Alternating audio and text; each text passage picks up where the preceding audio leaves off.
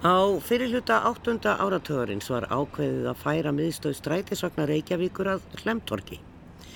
Gunnar Hansson, arkitekt, var fenginn til að tekna miðstöðina og vann það verk á áranu 73-74, það er að segja þetta á síðustu öld. Húsi var byggt nokkur síðar og tekið í nótkunn 1978. Nú, tæpum 40 árum síðar, en jú orði lengra núna, e, gera fæst þessi grein fyrir e, sérstöðu þess í byggingasögur Reykjavíkur Í umræðum um skipulagsmál miðbæjarins á síðustu árum hefur jafnvel verið kallað eftir því að það verði rifið. Þetta er sem sagt tekið úr grein sem er skrifið fyrir nokkrum árum. Ímis mistök í skipulagi umhverfis, breytingum innan hús og nýtingu húsins síðustu áratögi til viðbóta við þá neikvæðu stimplun sem að hlemur og nágræni hafa mátt bera í áratögi hafa valdið þeim miskilingi að hér sé einhver gallagripur á ferð.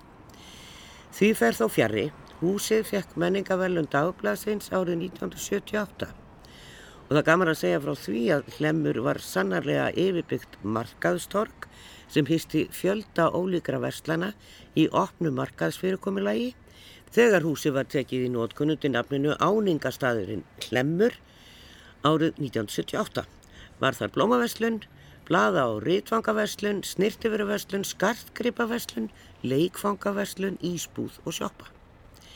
Húsið átt að vera gróðsælt og stór svæði fóru undir lifandi plöntur í beðum, mikil dagspyrta leikum húsið og gluggarnir stóru sem mynda útvekki húsins tengdu starfsemina inn við lífið á gödunum í kring.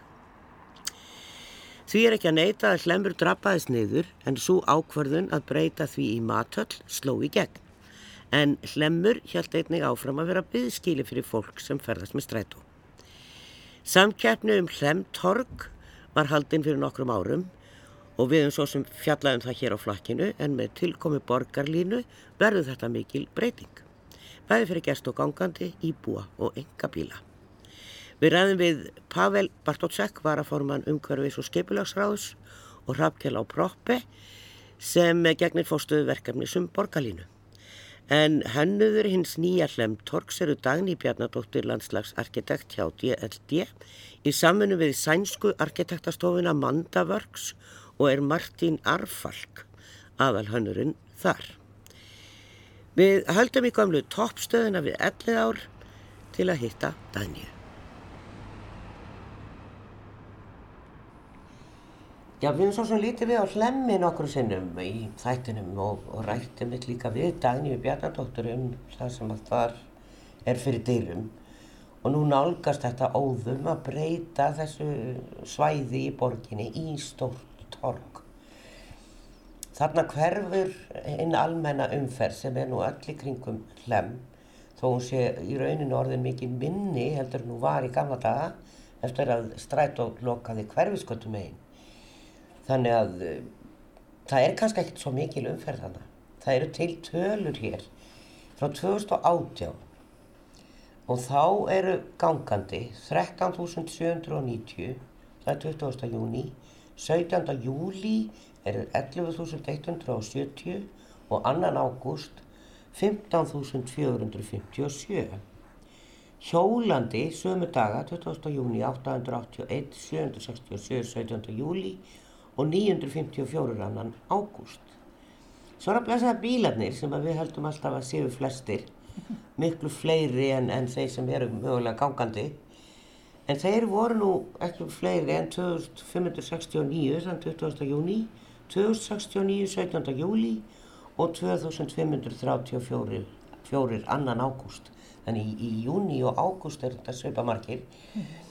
En færri júli þá er fólk einhverstaðir burti í fríi og er ekki að nota bílana og þetta eru fórsendurnar þegar menn fór að telja að þá byttu við, það er allir gangandi þarna, okkur gerum við ekki eitthvað fyrir þetta fólk sem er að fara þarna um, Já. það var svona fórsendurnar dæni. Nákvæmlega Já. og ég held meira þess að tölur hafi svo verið talið aftur, mann ekki hvort það var 2019 og þá hafi þetta verið komið upp í 20, yfir 20.000. Gangandi? Já.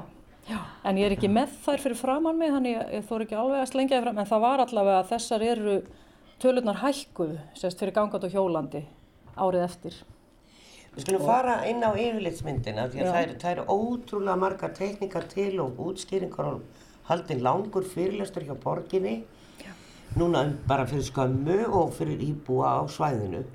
Það býr náttúrulega fólk hérna bæði á Rauðrástíð og upp eftir lögaveginum í Bríatartúni sem að og, og, lögaveginum þeim megin í þeim, uh, þeirri randbyggð en kannski neðan við hlem eru fáir íbúðar svo erum við náttúrulega með holtin hérna fyrir ofan sem eru fjölmennbyggð, þetta eru stóra blokkir þar fyrir ofan það lokast ansi margt en eins og þú sagðir Já.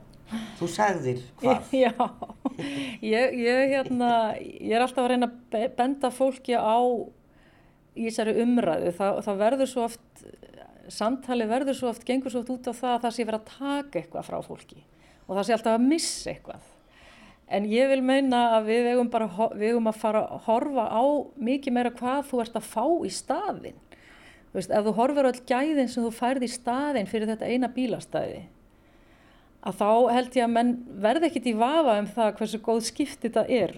Bara umhverfisgæðin og eins og ég var að sína þér áðan hérna, verki sem við gerðum hérna á Hönnunamars í fyrra þar sem við fókuseruðum líka á hljóðvistina.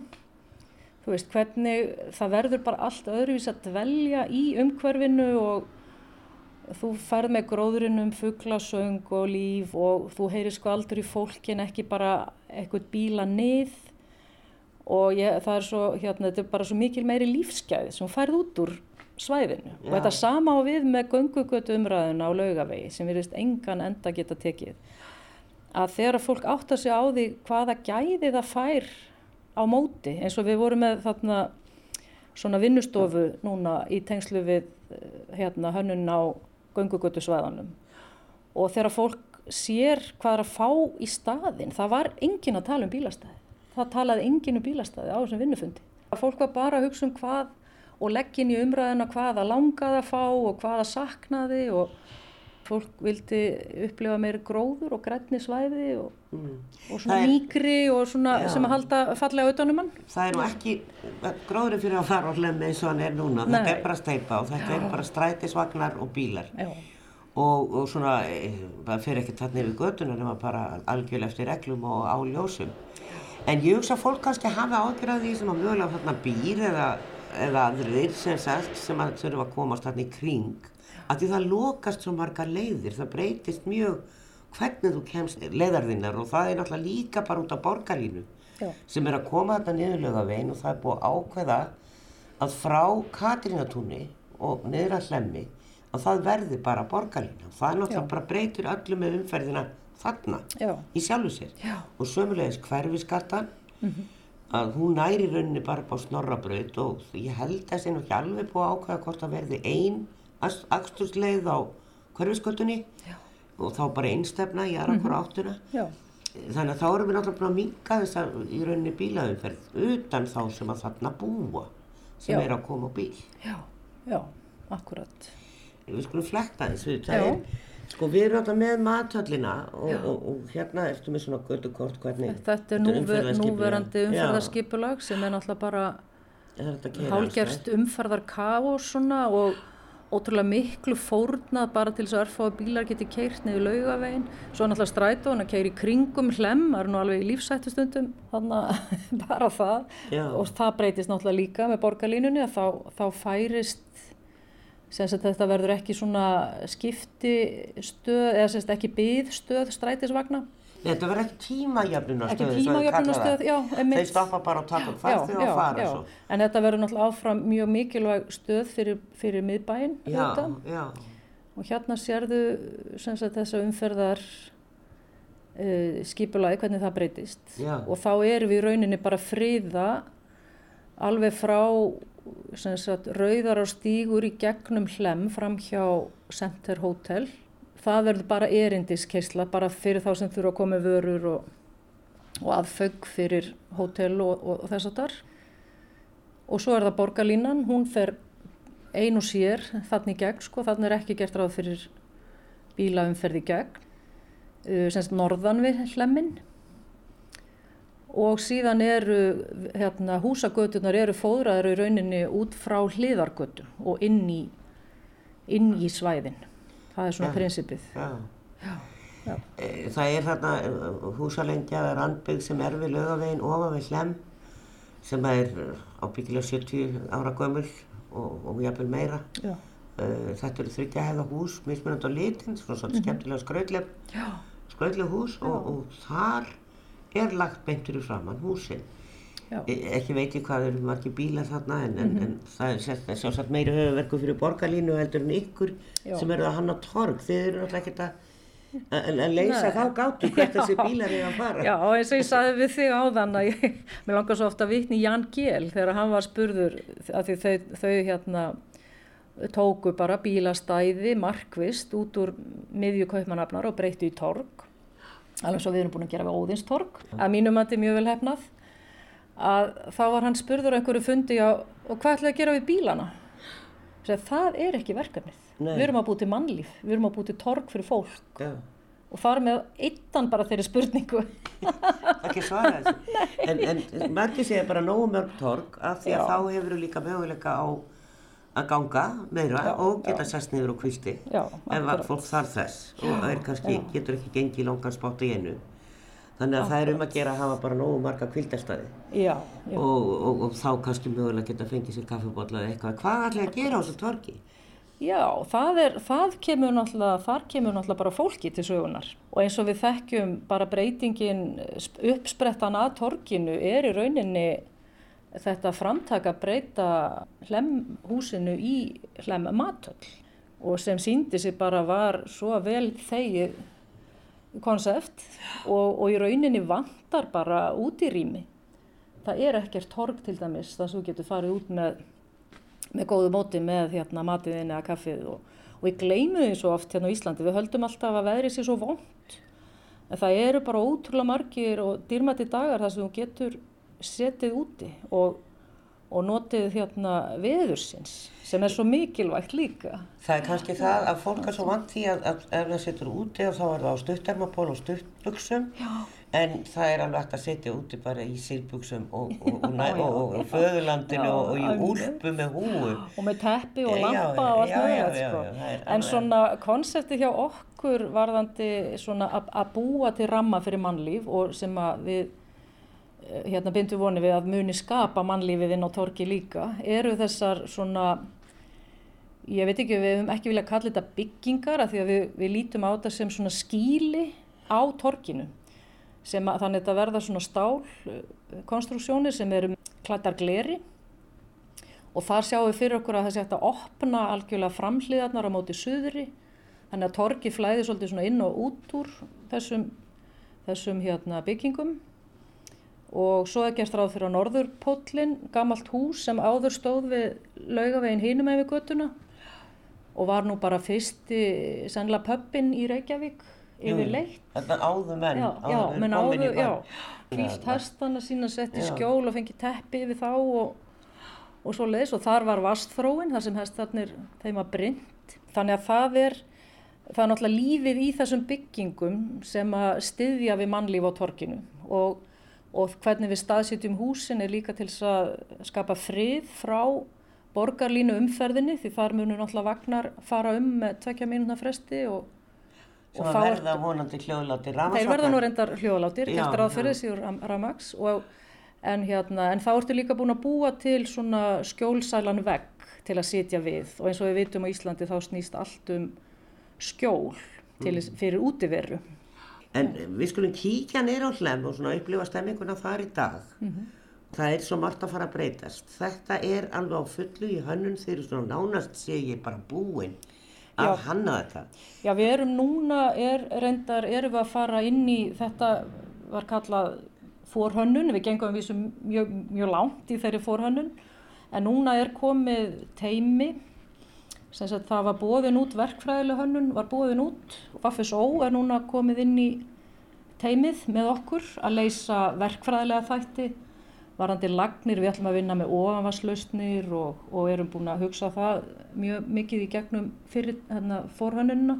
Og núna förum við að útfæra þetta með þeim með, og það er stór pípa hérna, fráreinsislögn sem þarf að endur nýja og fyrir gegnum svæðið hún er aðeins að va- valda okkur smá vandræðum sem Já. við erum að reyna að leysa hérna með húsið sem geti mögulega að við viljum endilega skapa þennan vegg Þannig að skjólvegg. Já, við sem er næst þá hérna hlemmi mathöll og hér kemur þessi pípa í gegn og við erum núna að skoða hvert við getum haft svona ákveðin kjarnafastan en svo getur húsið vaksið sem sagt verið dreyið yfir pípuna. Þannig að ef, ef að þarf nöðsynlega að komast í þessa pípu þá sé fljótlegt að, að hérna opna húsið og komast í hana. Já af því þetta er svolítið líkil staðsetning gagvart líka hlemmi mathöll að búti skjól og setsvæði inn á móti torkinu og hérna sér þau, hérna er hesturinn hann taland um hesta hérna.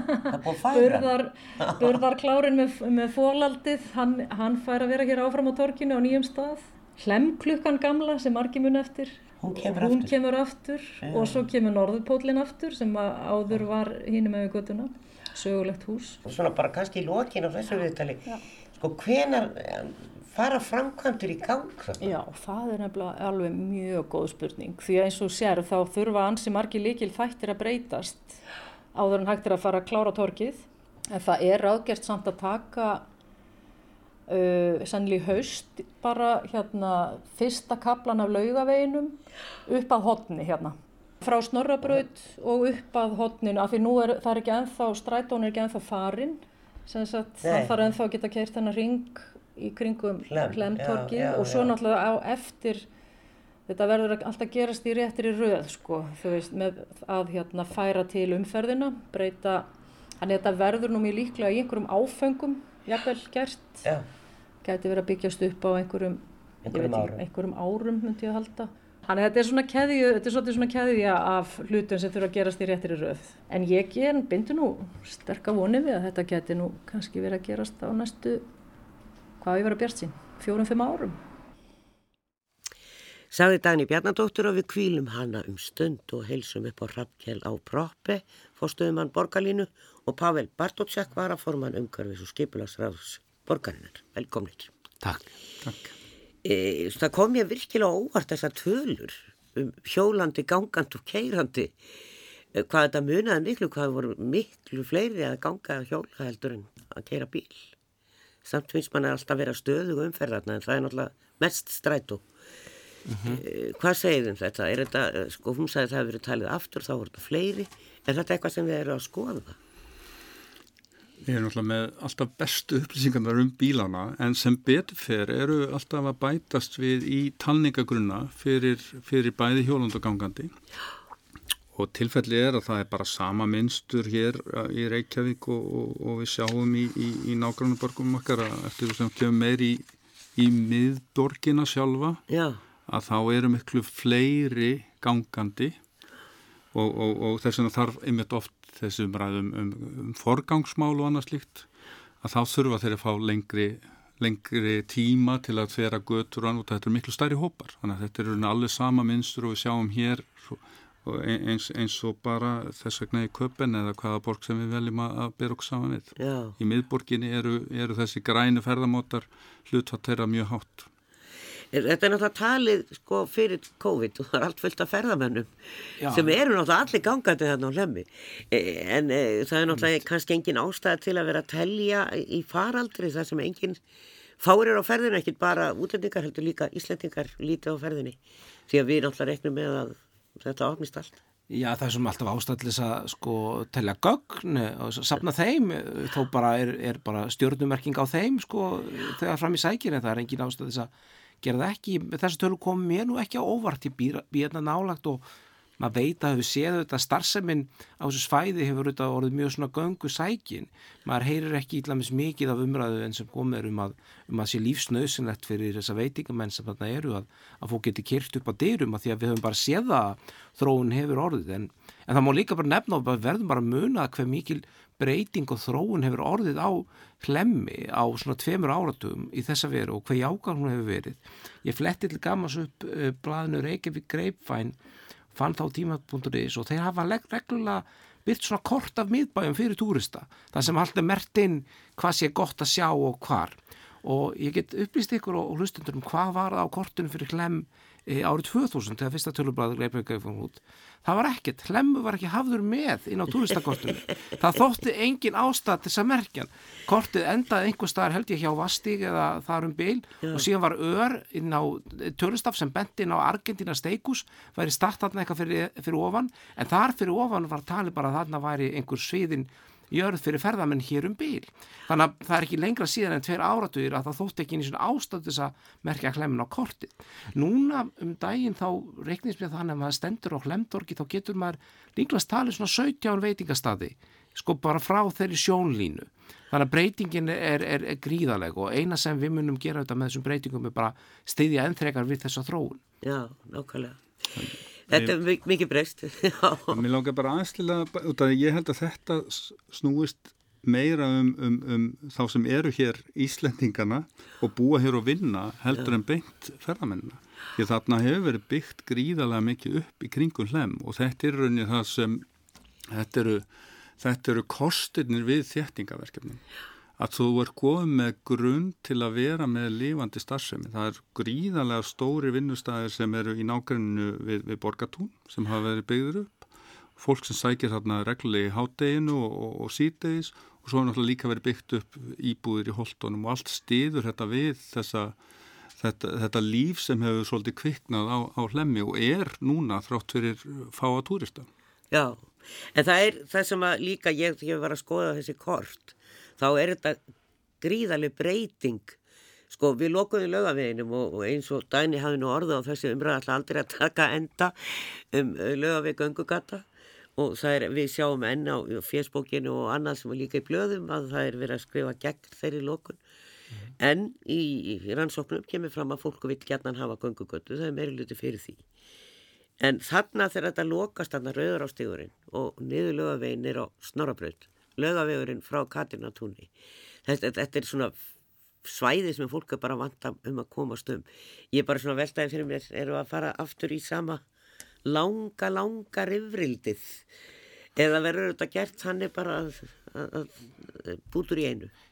Ég get ekki svar því, ég, ég veit ekki, það getur alveg vel, vel verið en við allavega í pólitíkinni þau sem störnum saman í þessum meirluta erum alveg tilbúin í það rifrildina gæsalappa, hvað sem er, við bara höfum þessa stefnu og þessa sín um að reyna að fjölga þeim svæðum sem þú getur verið í borginni og hérna lappað um e, áhugjulegs og notið þess slutamannlífs.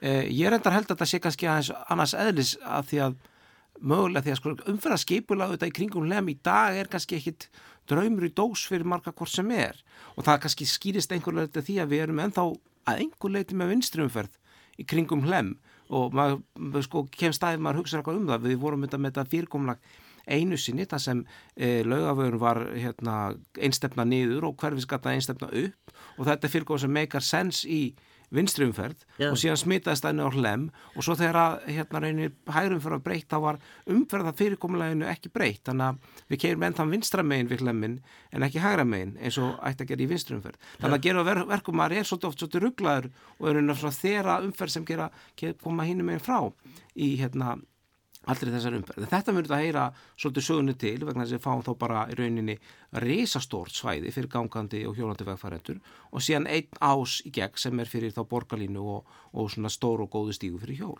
Já, hvað segir þú Hrafgjörn? Þetta er mikil breyting en eins og ég segi ég ger nú ráð fyrir að þetta verður ekki allt gert á einu bretti.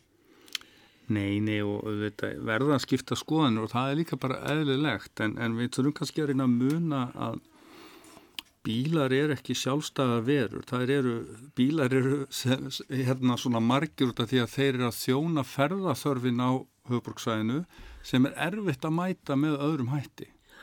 Og, og það þarf svona að hugsa það í þessu samhengi að, að, að ef við erum komið með, með kost, valkosti sem eru odnir, odnir sko góðir fyrir starri hluta uh, höfuborgabúa að þá, þá verður ekki sama þörfin á bílastæðunum og, og í dag.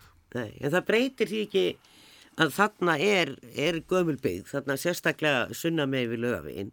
Það sem að eru stað, einu stæðin við þær byggingar eru þarna út á göttunni, á lögaveginnum. Bakvið eru gardar og svo bílastæðin á lóðin í þverholtin og þar, það er náttúrulega bara frí íbúið þeirra blokka en ekki fólki út á laugavegi. Þannig að, að það fólk, þetta eru náttúrulega eins og ég segi, það eru þrjár, þetta eru þryggja hæða hús, þetta er slatt af íbúðum og slatt af íbúðum. Jú, jú, menn náttúrulega reyna að leysa þetta og koma oft til móts við, við íbúa þannig að þeir fá einhvern veginn heimil til þess að komast inn að uh, bílastæðunum sínum og, og þess áttar og ég meina þannig hefur það verið gert bæði hér þar sem við höfum tekið svona göngugötu skref og annar staðar og hvernig nákvæmlega það verður leist er, er kannski erfitt að, en það þarf að reyna að ná sko mæta ýmsum ólíkum þörfum og, og, og, og það eru til lausnir fyrir það sko. Ef að viljinu fyrir hendi, Já. þá er þetta fá laust. Eftir því sem við best veit líklegast ætti að þeirra þá laugaveginu á þessum efri kapla til þess að komast inn á bílastæðilóðir þá kannski með annari aðkýstu heldur en er í dag en vissulega er það þannig að, að þessi mjög fáu bílastæði sem eru alveg fyrir utan þau e, munu ekki lengur vera þegar að það er ekki lengur akstur þarna nema fyrir þá borgarlínu og almenningssamgöngur þá náttúrulega er engin e, tilgangum að hafa, hafa bílastæði fyrir almenn umferð. Nei, nákvæmlega. Við skulum uh, gera stuttla uh, hlið hér og, og uh, fara neyra á hlið með Daníu Bjarnadóttur. Íslandingar halda því alltaf fram að sé alltaf vondveður á Íslandi einhvern veginn. En munar samt alltaf eina yndislegu daga sem þið sitja úti og njóta sólar og, og líka í kulda. Já, Það er sko, okkar versti fjandi er rókið. já, Og gjarnan er eh, talað um að hlemur sér rógras. það er nú verið að reyna að bæta úr því með þessi nýja torki. Og við erum komnar hérna neyra á hlem, ég og Dani Bjarnadóttir. Stöndum hérna aðeins upp eftir laugaveginum, leðubílastöðin hérna og, og hesturinn fíni, hérna klárinn með fólandið og hann er hérna fyrir neðan okkur, gasstöðin. Svo við horfum upp úr þá bruna vagnandir hérna náttúrulega niður núna. Alveg ég ekki hvað, það eru hvað, 20 vagnar á hlemmi akkurat núna. Og við stöndum hérna við Devitos pítsuna og við horfum hér upp úr. Og hér er svona randbyggð, beggja vegna og hér sem sagt sunna með við göttuna eru bílastæði. Hér fyrir neðan okkur á vinstri hönd eru bílastæði hérna við Jörgensen, Center Hotel og aðeins hér upp úr þverholtinu, ég veit ekki hvort, er þetta með í planinu eins og stæðin þarna ofan við hótelið eða nær torgið bara hér á þessa rand hér, hvernig er það? já, við allavega hönnuðum alveg upp að, Upp á upp að götu. Og þetta eru bílastæði hérna meðfram sem að tilheyra torginu og það er í rauninni helst bara sem gata. En við hérna hönnum hvernig aðgengi kemur hérna inn á torgið og þarna sérðu innkerslu inn í port á bakvið Já, já, og þar eru bílastæði til dæmis fyrir þessi hús. Já, er, Nú þegar. nýju. Ekkur, já. Fyrir þau, það er sko byggð hérna, við horfum hérna á listaháskólan og svo lengra og þar fyrir ofan eru náttúrulega bara tildulega nýlega blokkir. Og alveg upp í 8 á 10 hæður eftir. En við svo hérna niður þá Já. horfum við að löga veginn og rauður á stíðin, hlemurinn, mathöll og fallega hérna byggingi sem að vanta turn á sem að mér minnir mig alltaf á Empire State eða einhverja svona New York já. byggingu ef það væri settur svona aðeins turnan á Já, akkurat. og hérna fallegt hús sem að hérna hlemur tekur það svolítið en, en hvað, hann er ekkert að fara Nei, Og svo er er, verður tilreyndar mjög skemmtilegt rými á milli þessara bygginga. Þegar strætóin hættir að keira kringum húsið sko Já. og þá er þarna meira svo svolítið sólríkur blettur og þá fær þetta hótel kannski aðeins svona það rými sem það vantar. Já, sem að verða þetta- sko. Þetta verða íbúður, það er að sækja frábært sko. um Já. að breyta þessu um hérna farfuglaheimili eða hosteli Já, í íbúður. Já. Ég veit ekki hvað það mástendur en já, einmitt. þetta er náttúrulega gríða stórt torg. Þetta er þeirra stærsta torgi í Reykjavík. Þetta er hérna bara stærsta almenningsrými sem er verið að hanna í borgin í dag, Já. alveg klárlega. Já. Miðjan svona sem, svona til þess að hugsa um skalan, þá er svona miðsvæði í torginu, er svona dálítið rúmlega ingólstorg, svona, svona, má segja svona hjartað í torginu, Já, já. svona inn á milli byggingana hérna. Þegar randbyggðin eða svona þessi skíli okkar torgskíli, ég veit ekki að ég er að reyna að finna eitthvað gott orða því við erum að reyna að forðast að kalla þetta hús að þetta Já. á að vera svolítið svona opnar konstruksjónir sem hægt er að renna alveg hilli framhlið upp og svo leiðis sem bara hluti af torkinu að þá, þá náttúrulega kemur hér rönd og borgarlínan hérna hínum einn Já, hún verður í rauninni á Já, þessum bút þarna sem bakvið, er, sko. já, sem er Já. bara botlangi núna. Þessi Já, bútur. sem er einhver svona bílastæða botlangi, Já, eða nei, hann finnir á rauðarástíð þannig, já. beginir já. á rauðasti. Já, Já, já. Þannig að það er svona þessi miðja hérna á milli sem að þegar allt verður komið er svona daldi rúmlega ingólstorg. Já. Svona svo ef fólk fær eitthvað svona skala á starðinni hérna inn á milli. Þessi, þessar byggingar eða þessi hús, svona opnarlegu hús og nú segja það kannski sem eru í rauninni líka mikið til þess að búa til skjól. Þannig að Já, þetta já. setja undir Já, vegg og, já. og fá só- sólina á söðri og, Já. og þá rók, róki sem að kemur mögulega norðan Já, sem að væri þá í bakið Já, og hérna það er þá á þessu plássi sem að legubílarnir eru núna eða hvað? Já, það er svona cirka það. Það var það, einhverju átta metrar frá þessu hotni Já. byrjar fyrsta byggingin, svo trappast þetta og fylgir línunni á, fylgir stefnunni á hérna borgarlínunni. Þannig að það væri í rauninni bara hús hér. Beint segja. móti okkur Já, eiginlega. hérna eiginlega á Já. já. En við töluðum líka um það er alltaf halli hérna og þetta er bara smá brekka og Já, Og- bara, og- þetta leynir ótrúlega á sig, sko. Það er þryggja metra hæðamunur frá gólfinu á hlemmi og upp á hotnið hérna við fyrir ofan hótelið. Já.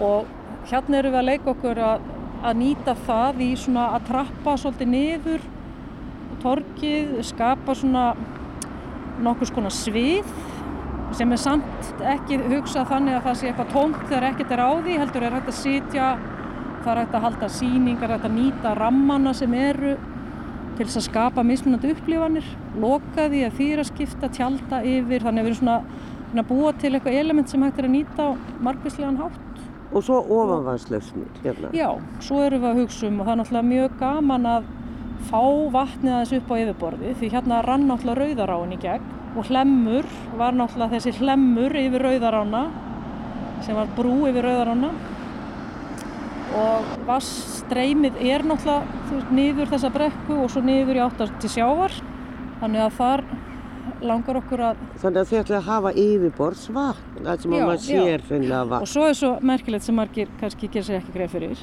að laugavegu byrjar ekki að halla niður fyrir aðeins lengra hérna. Já, Það hallar tilbaka í átt að hlemmi, þessi Af því manni finnst hann alltaf að vera á niðurleið allan já, tíman já, sko, já, já, en akkurat hérna þá er vassallin í, inn á móti torkinu. Þannig þetta er, já. verður skemmtilegt að eins og segir, þetta er svona í einhverjum starthólum, við höfum talað um þetta áður, en þetta er eins og, þetta er svo mikið langtíma plan Já, og, og, og mikið rask fyrir alla sem búa hér í kring og fyrir umferðina og, og bara allt saman. Erfitt og ég svona að því maður er svo vanur því að, að geta farið hér að rauðrástígin og, og, og upp í holtin og hérna þessi akstursleið lokast. Já, og fólk þarf bara einhvern veginn að læra að fara sæbrautina og snorrabraut. Já, eða sæbrautina og katr og túnin hérna aðeins ofar. akkurat. Það verður engin akstursleið hér í gegn eftir að borgarlína kemur og þetta torg. Nei, nei, það verður það ekki. Nei. og, og hérna eins og við fórum yfir áðan þá er þetta ekki sko flest allir sem er að keira hér niður núna þeir eru mögulega ekki að fara að stoppa akkurat hér fyrir framann hlemmi eða þar þetta er svona gegnumstreymi sem getur alveg komið farið aðra leiðir, vilja menna þetta er ekki svona, þetta er ekkit brínt erindi hér niður að hérna og náttúrulega svæðið er svo bara verðmætt til þess að landnýtingin sé svona. Ég, sko, eins, og, eins og ég var að benda á því ég var að kynna þetta hérna fyrir á opnum íbúafundi að þá náttúrulega landnýtingin hér á svona verðmættum stað er náttúrulega alveg skelvileg því þetta er bara malbygg og menn eru eiginlega í lífsættu hérna bara við Já. hlemma, töll, ekkert útisvæði til þess að hafa hugulegt já, í umferðar já. og, og mengun eða þannig veist þannig að ég held að þetta verði bara svo ofbóðslega góð skipti, ég held að það muni engin, eftir einhver ár þá munu allir verða steinhissa, þetta hafi ekki verið nýtt svona alltaf, Já, já. ég held það. En við erum hér í Blankalogn í dag og hérna e, þá er þetta náttúrulega bara gott svæði og, og, og það eru búið að vera sólardagar og annað að þá er þetta þá situr fólk hérna úti þrátt fyrir umferðina Já, það gerir það. á góðum dögum. Og En svo náttúrulega- alltaf búast að því þú segir verðmætti mm. svæðisins Mhm. að þegar þetta er orðið torg við erum alltaf með fyrirtæki hérna þetta er aðalega matsölstæði Já, sem eru hérna í kring einmitt. Eitt rakari Já. og, og hérna Ég vona bara að þessir og- haldist áfram að vera því þeir Já. munu bara græða á því þegar þetta torg kemur. Já. Það verður bara enn meiri mannfjöldi hérna Já. og tilumni til þess að staldra við og dvelja. Það er heilt hús til sölu, þetta gula hérna. já, já Ætla með jafnvel byggja hona það, ég veit það ekki. Já, það má örugglega byggja eina Ég hugsa- ofan Ég sýnist það með hæðnar á hinnum sko. Já, já. setja En þessar eignir eiga bara eftir að verða verðmeiri. Ég get alveg hengt, hengt mig upp á það. Eða miskusti selt hatti minn. En, en það er ekki, það verður ekki byrjað að grafa hér. Það er, þú vart líka að vinna með Dagný svona verkefnastjórn á göngugötunni. Já, Nú að gera hjá þér. já, það er rosa Og- skemmtileg verkefni í gangi. Telur að göngugatan verði undan í framkvæmdum heldur en þetta? Sko það er góð spurning. Það er nú, planið er nú að reyna að taka laugaveg kaplan hérna upp að hostelinu, sem sagt upp Já. að hotninu. Í- á þessu í torgi, von, vonandi í haust og þar með er búið að verður lokað fyrir bílaumferð. Já, En það er aðeins lengra í að stræt og flytji, það, það, þarf, það þarf að hérna leysa það mál áður en að hann fer hérðan. að hann fer náttúrulega ekki til það. Nei, sko, eða þar sem hann hætti að keira í kringum, hring, keira já, í kringum já, já. mathöllina, sko. Og það eru svona bæði umferðar þættir sem þarf að leysa. En það er svolítið gaman að, sko, að í rauninni er, sko, hlemmur mathöll kannski búin að geta af sér þetta torg, Já. má segja. Því það varð svona, þetta óbúslega vel hefnaða verkefni. Sem, sem, sem, sem að bara mathallir opna út um allan bæ. Já, og inn í vestluramiðstöðum og hvað veit ég það, það er líka við að segja ef að veitingastæðir opnar þá er það mathöll Já, og hérna og virðist vera gríðarlega vinsælt og fólk getur þá ef að fara saman út að borða hver velur sér sitt já, og hérna það býður upp á ýmsa möguleika þannig að Já, já. þetta sló aldrei í gegn hér Og svo þegar hérna, svo kemur náttúrulega Norðupóllin. já, Hann er náttúrulega svolítið að tala við þessi gömlu hús hérna á baki, bakvið og var auðvitað elsta, elsti bar á Íslandi. já, Eða veitingastæður. já, Sem sagt í þessari svona stál, hérna, þessum stálstruktúr sem við erum að hugsa með glerbyggingum. Tala líka aðeins við, hlem svona á ákveðin hátt.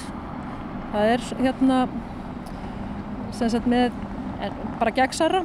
já, akkurat Og, en, en Martín, þessi sem að vinna með þér Já. og er í, í Svíþjóð Já, Manda Vörks já, já, að, Já, Það er, þið eru í stöðum samskiptum. já, við sem sagt, við deildum fyrstu verðlunum í þessu samanburðarkeppni Já, sem var já. haldin og tókum ári að spyrða saman okkar tillögur eða, eða koma með nýja tillögu, kannski má segja. Já, við erum búin að vinna því þessari fórhönnun og læra að vinna saman, við erum bara mjög gott heimi og bara nýtum þekkingu hvers annars vel og, og það er ákveðin lærdómi líka að, að hérna fara í gegnum sko, að, að vera með tvær ólíkar tillögur, einhver leiti líkar kannski en líka ólíkar og að þurfa svona að, að raukraða sig í gegnum það hvernig lendingin yrði og bara eru mjög ána með niðurstöðuna. Saði Dagný Bjarnadóttir landslagsarkitekt hjá DLD en hún og Martín Arfalk frá sænsku stofinni Mandaworks eru hönnuðir nýja torgsins á Hlemmi sem er nú bara mjög spennandi held ég þegar þetta er allt verið komið. En við höldum áfram hér í stúdjó í Efstaletti með þeim Pavel Bartótsek, borgarfulltrú og rappkalli á proppi frá borgarlínu.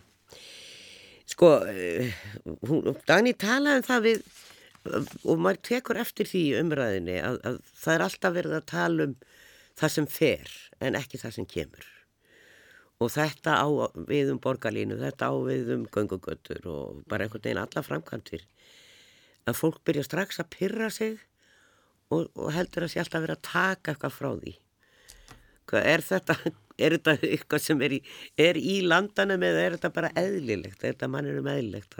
Ég held að sé bara eðlilegt að einhver leiti með fólk, náttúrulega verkefni sem ekki eru í komin eða ekki sinn talsmann en, en þau verkefni sem er að það sem er að fara á það líka. Ég veit samt ekki hvort ég geti tekið undir í þessu uh, þessu verkefni, hvort mér hefði fundist sko uh, einhvern veginn anstæðan vera það mikil og, og, og skipulögð að Uh, að, að ég skinni að það sé þannig sentiment sem sé ráðandi í, í þessu, þetta kannski er stóra spurningin snýst bara um, um afstöðu fólks til borgarlínu og þeirrar verkefna en, en ég held að við séum þetta sammúlum e, að ef að borgarlínu kemur e, og ég segi þegar en það er aðrir kannski með aðra skonir þá að klárlega að þetta er svæði sem er líkiladrið að verið þróað vel því að þó að þetta verði ekki lengur þessi svona tengistöð sem hefur verið þá verður þetta enga sér líkil stöð í hérna allri borgarlinninni.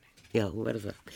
E, sko, hann saði ef, en, en leiðir eftir sig þegar, það er nefnilega til fólk sem að, og ég heyri þetta bara mjög gætnan, hún kemur aldrei og hérna, og átt að segja því það verið að vinna full í verkefninu, það er stutt síðan að þið voruðum með áfangarskíslu Jú, jú, og við erum bara, þetta er á, á öllum plönum og, og við höfum í rauninni ekki aðra heimild en að bara undirbúa þetta verkefni í samkvæmt plani. Þetta er komið inn á, á samgöngu-áallun og, og með skýrskotun í samgöngu-sáttmálan og, og allar þær samþykti sem er á bakvið það. Þannig að, að, að við í rauninni bara vinnum í það átt að, að, að klára það plan sem það eru uppi og, og, og engin bilbugur á, á, á okkur þannig lag sko. en þetta er sko, þetta lýsir samt held ég ágætlega að borgarlínan er miklu miklu meira heldur en heldur en samgönguverkefni þetta er líka verkefni sem mun hafa áhrif á þróum borgarinnar og þetta er, er í tilfelli hlems er, er þá borgarþróunin komin á undan og síðan kemur borgarlínan inn. En við sjáum það í rauninni fyrir að borgin mun þróast í kringum þessa, þessa ása sem borgarlínan myndar. Og þar er komið þá svona þetta verður eiginlega nýr drivkraftur í borgarþróun og það þarf auðvitað Það getur verið erfitt að tala um það með að við höfum það ekki fast í hendi en leið og fyrstu leiðirnar eru farnar að keira og, og við erum farin að koma með stöðvarnar og funksjónuna þá, þá eh, er það mín samfæring að það mun, mun, mun mjög, þá förum við bara að þekka, þá verður það veruleikins viðmiði sem við miðum við, ekki svona eitthvað, einhver hipotesa um að svona gæti þetta orði heldur bara svona, við viljum fá svæði eins og er þarna. Mm. Fyrir... Já, og það eru sérst, ákveðin plön í gangi meðal annars, sko ég tala nú eins oft um borgarlínu og hægt er því að já, ég er svo samála og ég leiði mér að vera það, ég er ofnbeglega í útvarpinu, ég held þetta sé bráðnauðsilegt fyrir borgina að koma upp almennlegum samgöngum, almenningssamgöngum fyrir borgina og bara andrúsloftið og bara allt sem er að gerast í veröldinni. E, þá er það hverfiskattan og ég minna að fólk vil gætna vera und vel undirbúið þegar eitthvað er að breytast. Ja. og, og manni finnst stundum að hugsa ok, einhver bílar á hverfiskötu þetta er þröngt eins og þetta er núna með alla þess að vagna uppur og niður úr og bílaumferð uppur og niður úr. E, þú saði mér einhvern veginn að, að það staði ég til að, að loka hverfiskötuna alveg fyrir bílum en svo hefur líka sagt mér að, að það verði mögulega einstefna er búið að taka ákvarðunum þetta Sko það til þess að varpa upp í einni svona áfangaskíslu hjá stræt og að búa til svona reyna stræt og þá var hverfiskattan menn sem dæmi og það er nokkur á síðan það var. En, en í tillögunum sem liggja fyrir í frumdrónum erum við að gera ráð fyrir að hverfiskattan breytist í einstöfnu guttu fyrir bíla. Uh, og að bílastæðin í guttunum í guttunni sjálf við munum víkja og þannig kemur meira pláss og þá bætist aðstæður fyrir gangandi og hjólandi og í rauninni all, all þessi smátæki örflæði sem við sjáum spretta hér upp eins og gorkulur út um alla og allt höfuborgarsæði þannig að allt þetta þarf sitt plás Já, það er mikið rétt.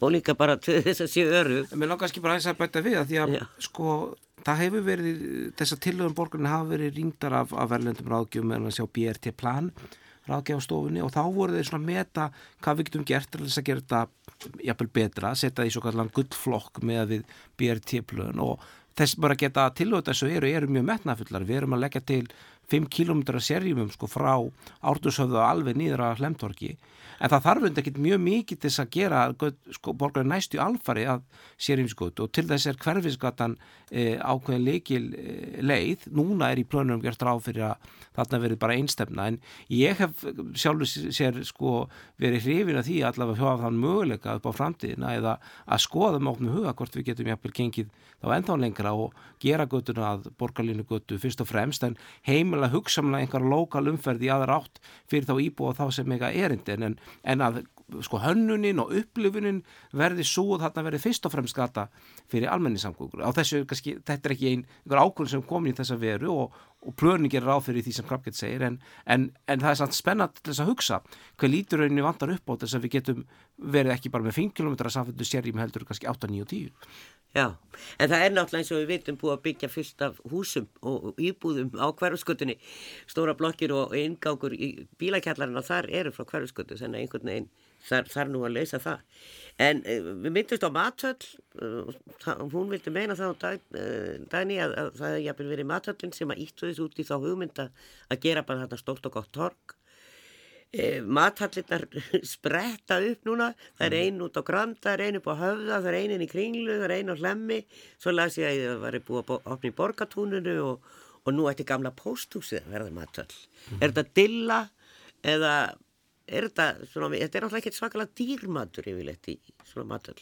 Nei, hver hefði haldið það sko fyrir 10-15 ára um einhverju hefði sagt sko að það sem hlemur þarf til þess að breytast er vínveitíkalefi. Það hefur líklegast ekki verið mjög margi sem hefur tekið undir það en það reyndist vera niðurstar. En auðvitað, ég verð líka að segja, þetta hefur þessi ferðamanna bransi hjálpað heilmikið til.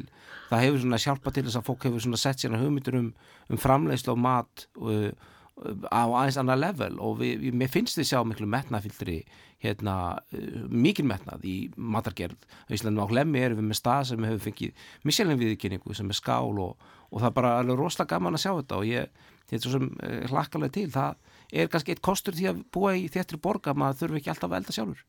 Já, og þurfa kannski ekki alltaf að fara inn á dýranstað nei, nei. og allir vilja ekkert endilega það sama þannig að en eh, svona hún vildi meina að það geti skapa tork við myndum að fá mörg tork eitt við borgatúnu og, og kannski er þið postustrættið og austustrættið loksins að göngugötu sem var nú upphafið að 1987 og þetta ætti alveg að vera göngugötu á sínum tíma. Ég held að við munum alveg fylg, við fylgjum yfirleitt alltaf sömu alþjóðluðu trendum og, og annar stafn stundum erum við í humáttinu eftir og bara alveg eins og þú nefndir þessi, þessi ef við erum ómikið að horfa á, á hérna, vandamálinn sem fylgja þessu ég meina það bjó fólk við stríki sem var þurft að fara þar á sínum bílum sko á, á 8. áratögnum þegar var tekinn ákvörðum að breyta því í, í göngugötu og í öllum þessum hlýðagötu sem hafa orðið alveg eins og Dani nefndi með, með hérna, verkefni hjá Jan Gehl á sínum tíma þú veist, auðvitað er það áskorun á þeim tíma menn bara komast yfir það Já. og það munum við bara alveg að skýra hér Já, nákvæmlega. Þetta verður spennandi en þetta er eitthvað í þetta, uh, Pavel, planið, svona þegar þið, svona í lokin, planið þegar þið eruð að sitja og ræða þess, öll þessi mál í borginni, Já. umferð, borgarlínu, þjætting og bara ný torg, hvað hva, hva er það að tala um? Mörg Já, við erum að tala um að, að lögafögun þarna á milli snorrabröðar og reyrastík, það sé jafnvel núna í haust, við erum alltaf að klára partin af af uh, rauðastíknum hana neðar núna sem svona partur af þessu. Síðan sjáum fyrir að það veri stóra ár mikla framkvæmdir og þessi rauður og allar þess að veitu framkvæmdir það verði gert næsta sumar. Það sé ekki núna heldur það er næsta 2022 um vorið mun það hefjast og hérna og, og svo kannski er, er þessi senesti partur sem lítur að því að tilfæra stræt og og gera þá krafti borgarlínu það er kannski einhvern veginn ára eftir það. Þannig að við erum samt að horfa á sko 2023-2045 verður komið nokkuð stort mynd á þetta. Þannig að við erum ekki að tala um hérna 2040 eh, ekki, ekki 2040 Nei, það er gott. En við komumst ekki lengri í dag. Pavel Bartótsek, borgarfylgtrú og Rafgjall á proppi frá, frá borgarlínu, þakku fyrir. Takk svo næst